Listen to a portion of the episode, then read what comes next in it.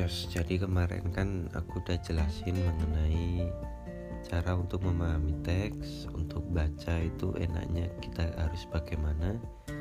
Sekarang aku ingin memberikan sebuah apa ya, sebuah tips, hmm, tips atau cara yang menurut saya efektif untuk kamu memulai menulis. Kemarin sudah baca sekarang kita nulis.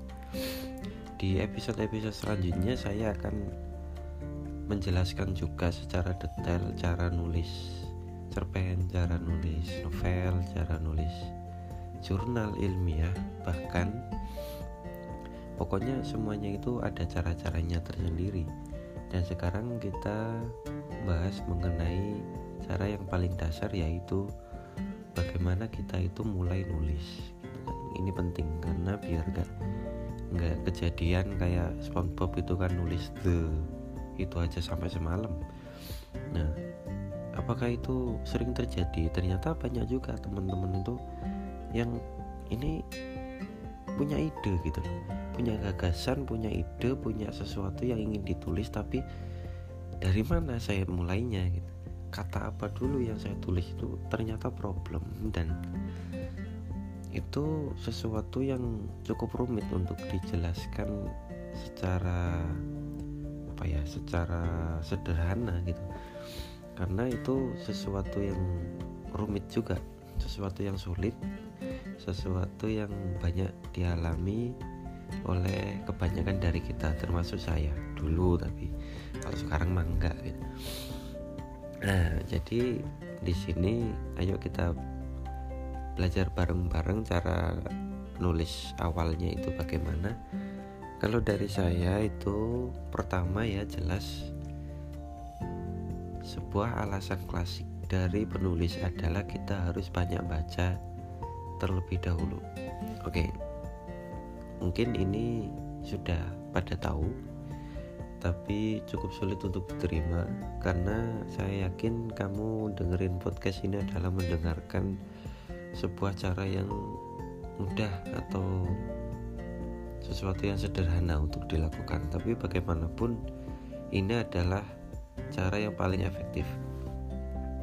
Jadi kalau kita sering baca gitu kosakata kita akan semakin banyak dan kita akan lebih luas memahami teks-teks yang beraneka ragam. Contoh, kalau kamu sering baca jurnal, jurnal ilmiah itu kan kata-katanya kan cukup sulit ya, diksinya itu kaku tapi berbobot gitu kan. Orang yang sering baca jurnal, dia otomatis akan memahami gaya bahasa di jurnal. Pola pikirnya akan terbangun dan dia akan bisa menulis jurnal. Mustahil kita baca jurnal tanpa pernah membacanya Oke, paham ya? Jadi kalau kamu ingin bisa nulis novel, bacalah novel. Kalau kamu ingin bisa nulis cerpen dengan lancar, bacalah sebanyak mungkin cerpen. Setiap penulis ada gaya bahasa sendiri dan warna-warni itu akan membuat kita semakin kaya.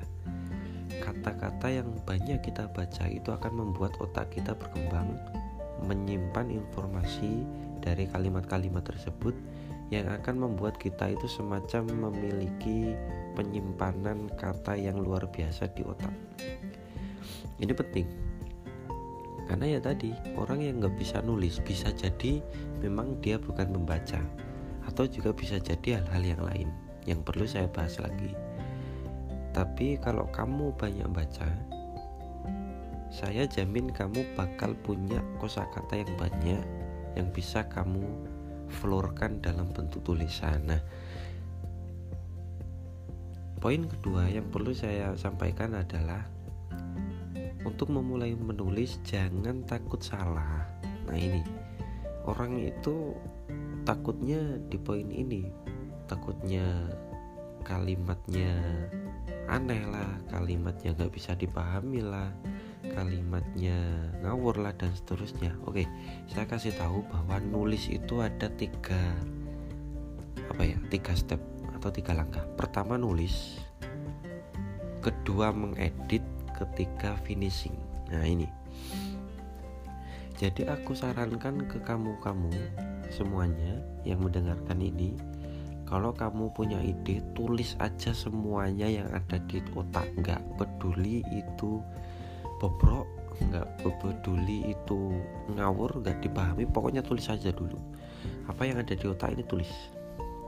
Tulis dalam bentuk bisa rangkuman bisa min mapping bisa langsung ke paragraf terserah. Yang penting kamu tulis saja yang ada di otak. Tulis tulis saja tulis. Nah, nanti kita masuk ke step kedua tadi yaitu editing atau penyuntingan.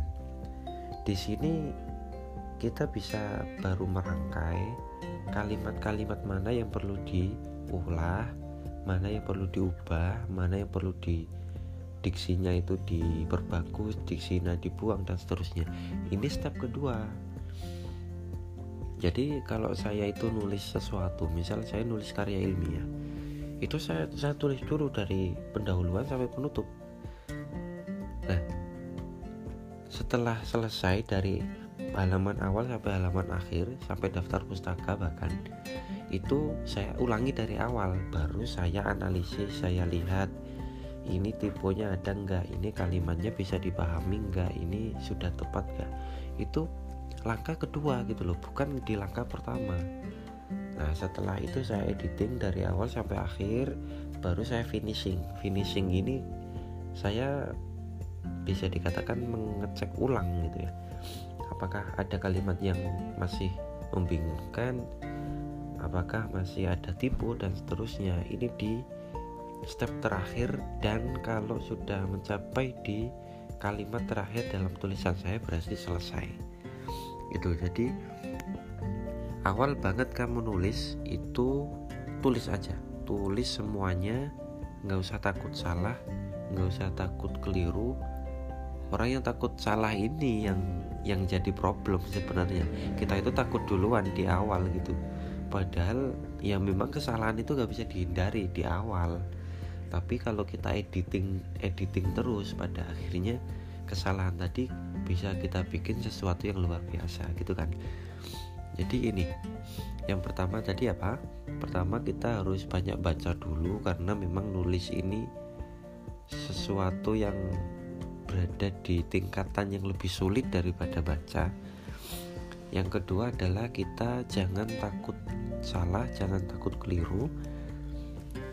Tulis aja semuanya oke?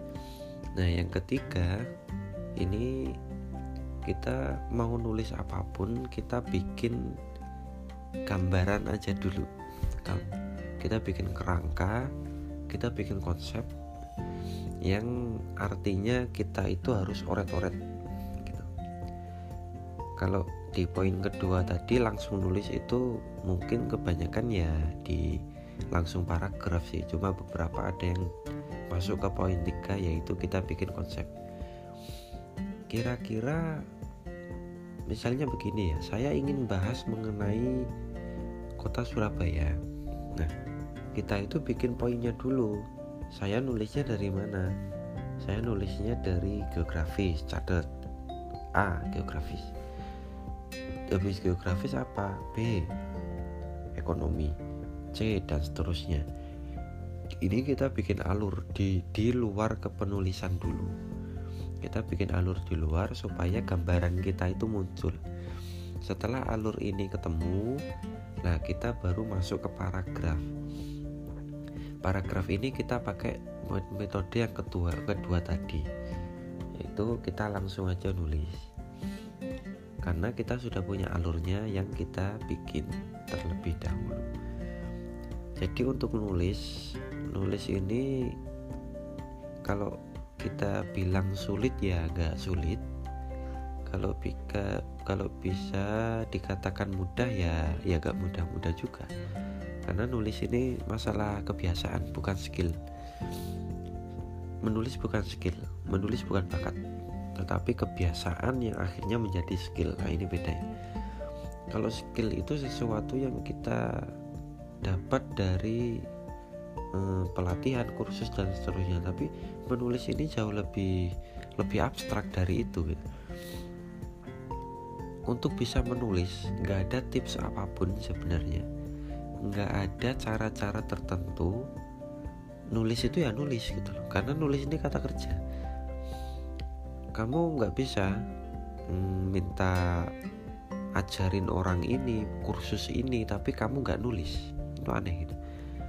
Tetapi kamu bisa menjadi penulis tanpa kursus tanpa minta bimbingan orang dengan cara kamu menulis. Kamu menulis kamu menulis tapi ya kita harus minta kritik juga ke orang-orang yang sudah mampu di sana gitu. Kamu bikin tulisan tadi ya dari tiga hal yang saya sampaikan tadi itu salah satu lah. Kamu nulis kamu sudah merasa yakin saya saranin untuk minta kritik, minta pendapat ke orang-orang yang kamu percaya dia sudah mampu, dia sudah bagus dalam menulis. Ini penting karena kita itu gak tahu, kita gak bisa mengukur diri kita sendiri dalam hal ini. Kata kita sih, wah ini cerpen gue bagus nih, oh bagus sekali, ini pasti juara. Eh ternyata masuk di perlombaan gak juara. Kita kalau terlalu yakin di situ juga bahaya gitu kita bisa bilang karya kita bagus tetapi belum tentu itu bagus gitu makanya kita harus minta banyak-banyak kritik. Nah kalau kamu sudah menulis saya sarankan minta pendapat ke orang yang lebih ahli. Gak apa-apa. Kalau misal beneran tulisanmu itu jelek gak apa-apa. Kita ulang aja. Kita ulang lagi kita perbaiki. Nah orang yang kamu mintai tolong tadi kok hanya bisa kritik berarti dia belum ahli. Ya, oke? okay? Orang yang yang mengkritik dengan baik itu pasti memilih memberikan saran. Memberikan cara bagaimana kita memperbaiki karya kita. Kamu punya tulisan kamu setorkan ke orang mas tolong ini dikasih kritik dong gitu kan. Nah orang itu kalau mencari kesalahan-kesalahan kita seharusnya dia juga bisa membenarkan oh ini pendahuluanmu tuh kayaknya terlalu panjang deh. Coba kita pendekkan aja. Ini ini dibuang ini ini masuk di pembahasan dan seterusnya. Ini kayaknya tokomu ini terlalu apa ya terlalu sulit dipahami deh. Coba kamu bikin seperti ini kamu bikin seperti ini. Ini kayaknya tulisanmu kurang data deh karena ini butuh data. Kamu bilang seperti ini kamu harus kasih data. Nah data ini coba kamu cari di sini nah ini saran yang membangun adalah seperti itu. Semua orang bisa menyalahkan semua orang bisa mengkritik tapi gak semua orang bisa membenarkan gak semua orang bisa memberikan kritik yang membangun. Ini diperhatikan supaya kamu itu gak, gak juga asal asal minta saran ke orang gitu loh. Karena kalau kamu minta saran ke orang yang salah juga yang ada kamu justru malah keliru gitu. Hmm, ya tadi kalau motor kamu rusak ya kamu ke bengkel. Kalau kamu ke orang yang salah justru motor kamu tambah rusak gitu kan tambah parah gitu kan. Jadi seperti itu untuk memulai nulis jangan takut salah. Juga perbanyak baca terlebih dahulu kita cari-cari dulu oh bahasa cerpen tuh kayak gini. Oh bahasa opini itu seperti ini. Oh bahasa karya ilmiah itu seperti ini. Oh bahasa makalah seperti ini. Itu harus kita tahu dulu dengan cara membaca. Dan kita bikin poin-poin dulu bikin alur bikin outline bikin mind map dan seterusnya.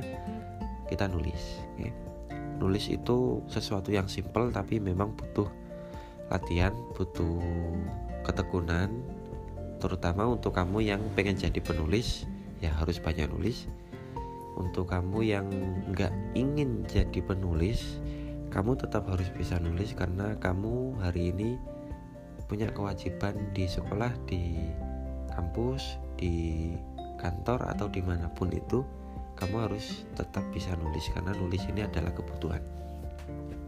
Sekian untuk episode kali ini. Semoga bermanfaat dan diambil baiknya. Kalau ada tambahan bisa ditambahin. Kita diskusikan bareng. Jangan lelah untuk belajar. Jangan lelah untuk terus mengejar impian demi kamu dan demi orang yang kamu sayangi. terima kasih dan sampai jumpa.